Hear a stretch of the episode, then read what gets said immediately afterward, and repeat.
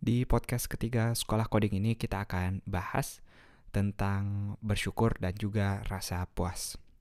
Sering kali kita dengar nasihat kalau kita jangan pernah merasa puas. Tapi di kesempatan lain, kita juga sering dengar kalau kita harus bersyukur. Sekilas dua hal ini terdengar kontradiktif atau berlawanan karena kita harus bersyukur tapi kita nggak boleh puas. Jadi di sini kita bahas bakal uh, bah bakal bahas dikit ketukar-tukar, bakal bahas dikit um, apa itu rasa syukur dan bedanya dengan uh, rasa puas tadi. Tapi tentu saya nggak bakal bahas dari sisi bahasa sama sekali saya bukan ahli di situ.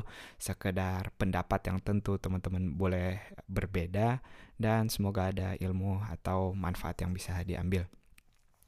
Yang pertama yaitu rasa puas uh, sering ketika kita udah selesai ngerjain sesuatu atau ketika kita baru uh, selesai hasilin suatu karya, kita ngerasa puas di sana. Tentu kita boleh istirahat sebentar atau menikmati uh, sebentar hasilnya, tapi yang menjadi bahaya kalau kita sampai lalai, kalau kita sampai lupa bahwa kita harus terus terus terus terus bergerak jangan lupa ketika kita diam banyak sangat banyak orang lain yang sedang lari yang sedang berusaha keras mengejar apa yang mau kita kejar.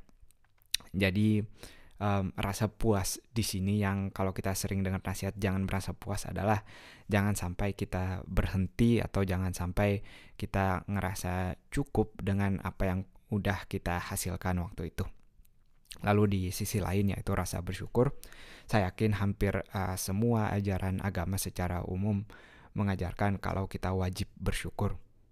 Bersyukur sendiri uh, macam-macam uh, bersyukur atas rezeki, mau bentuknya makanan, mau bentuknya keluarga, kesehatan dan lain-lain, semua harus kita syukuri.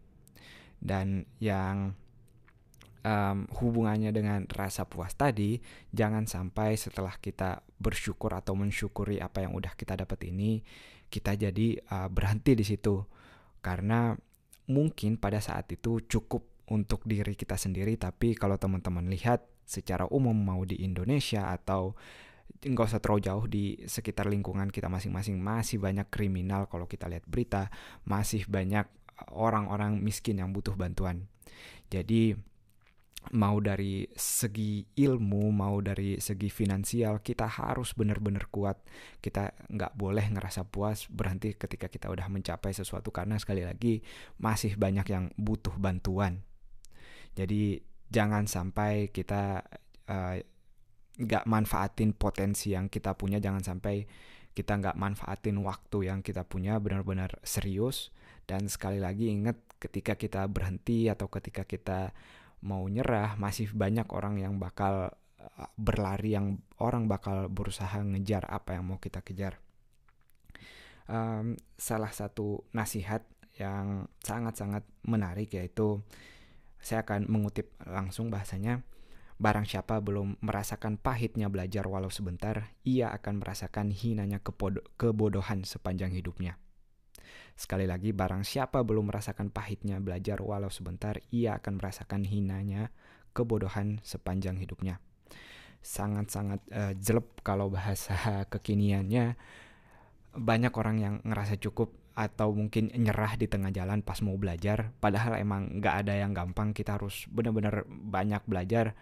Dan seperti kutipan barusan kalau kita nggak mau ngerasa susah payah, nggak mau berusaha keras belajar, ya kita harus hidup kita akan jauh lebih susah nantinya. Uh, untuk itu buat nutup podcast ini uh, kita ulang dikit lagi. Jadi tetap bersyukur apa yang udah kita terima kita bersyukur. Tapi apa yang udah kita kerjain kita jangan puas di sana kita jangan ngerasa cukup.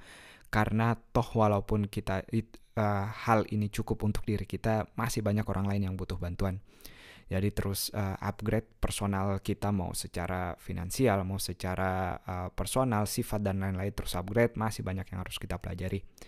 Itu dia semoga ada manfaatnya. Silahkan kalau ada masukan dan selamat beraktivitas